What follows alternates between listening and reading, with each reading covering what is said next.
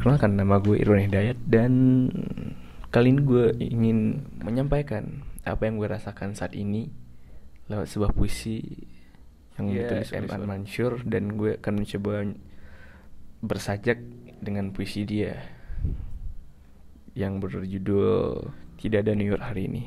Selamat menikmati. Hari-hari membakar habis diriku. Setiap kali aku ingin mengumpulkan tumpukan abuku sendiri, jari-jariku berubah jadi badai angin. Dan aku mengerti mengapa cinta diciptakan. Jendela terbuka dan masa lampau memasukiku sebagai angin. Meriang, meriang, aku meriang. Kau yang panas di kening, kau yang dingin di kenang. Hari ini tidak pernah ada, kemarin tidak nyata. Aku sendiri dan tidak menulis puisi ini. Semua kata tubuh mati semata.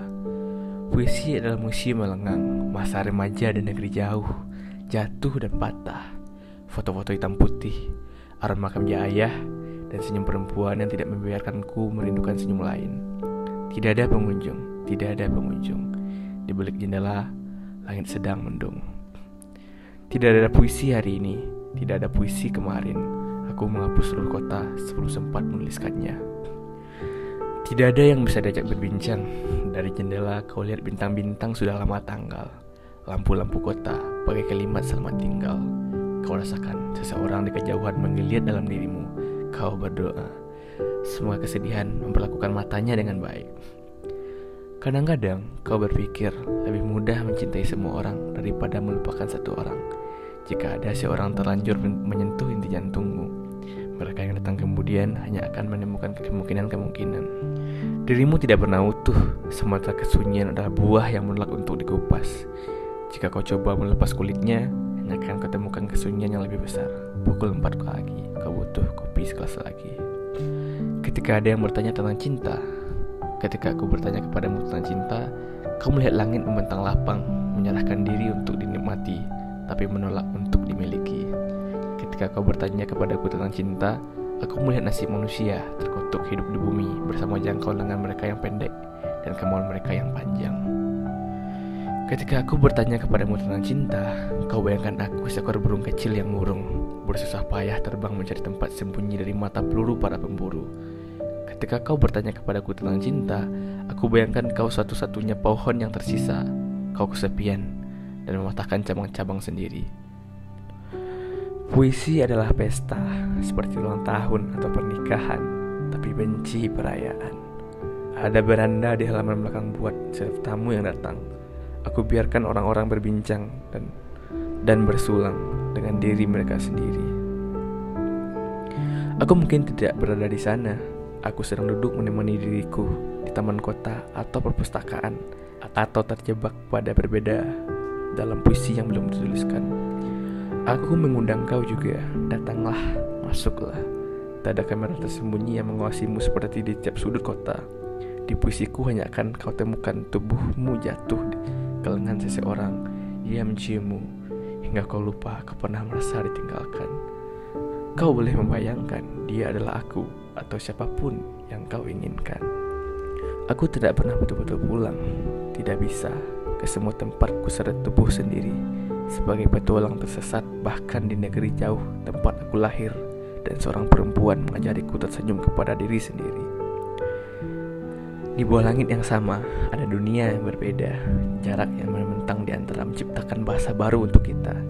Tiap kata yang kau ucapkan selalu berarti kapan, tetapi tiap kata yang aku kecupkan melulu berarti akan. Semua perihal diciptakan sebagai batas, membalas sesuatu dari sesuatu yang lain. Hari ini membatasi besok dan kemarin, besok batas hari ini dan lusa.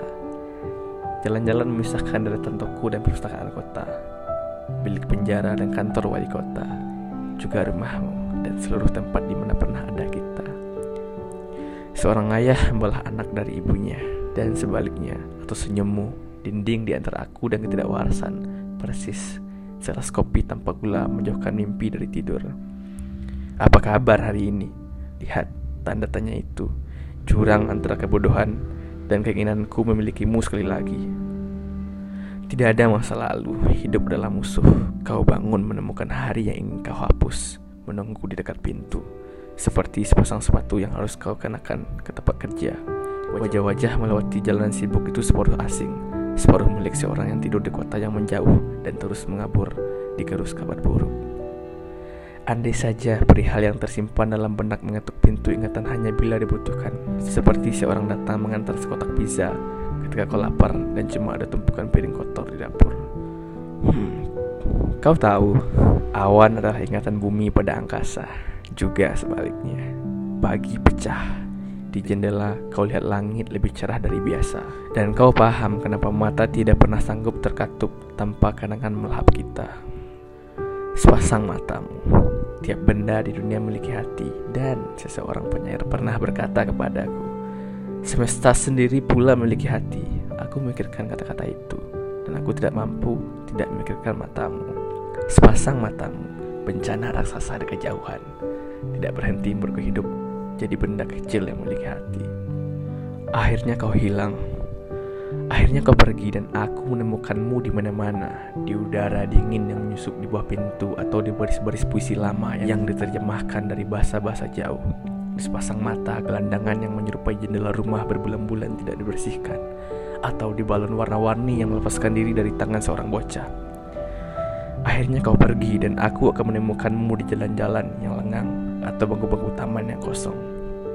Aku menemukanmu di salju yang menutupi kota, seperti perpustakaan raksasa yang meleleh. Aku menemukanmu di kedai-kedai kopi, udara, dan aroma makanan yang kurang atau terlalu matang. Aku menemukanmu berbaring di kamarku yang kosong saat aku pulang dengan kamera dan kepala berisi orang-orang murung yang tidak kukenal. Kau sedang menyimak lagu yang selalu kau putar. Kau cerita yang belum kelar kau baca. Akhirnya kau hilang. Kau meninggalkan aku dan kenangan kini satu-satunya masa depan yang tersisa.